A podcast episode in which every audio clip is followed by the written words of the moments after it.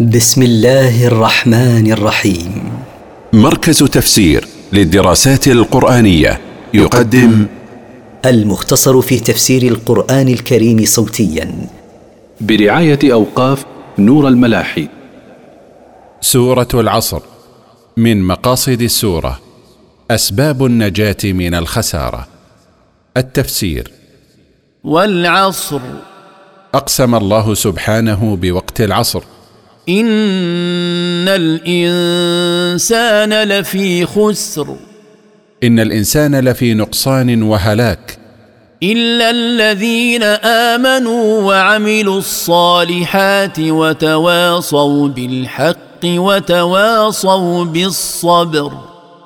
إلا الذين آمنوا بالله وبرسله وعملوا الأعمال الصالحات وأوصى بعضهم بعضا بالحق وبالصبر على الحق فالمتصفون بهذه الصفات ناجون في حياتهم الدنيا والآخرة.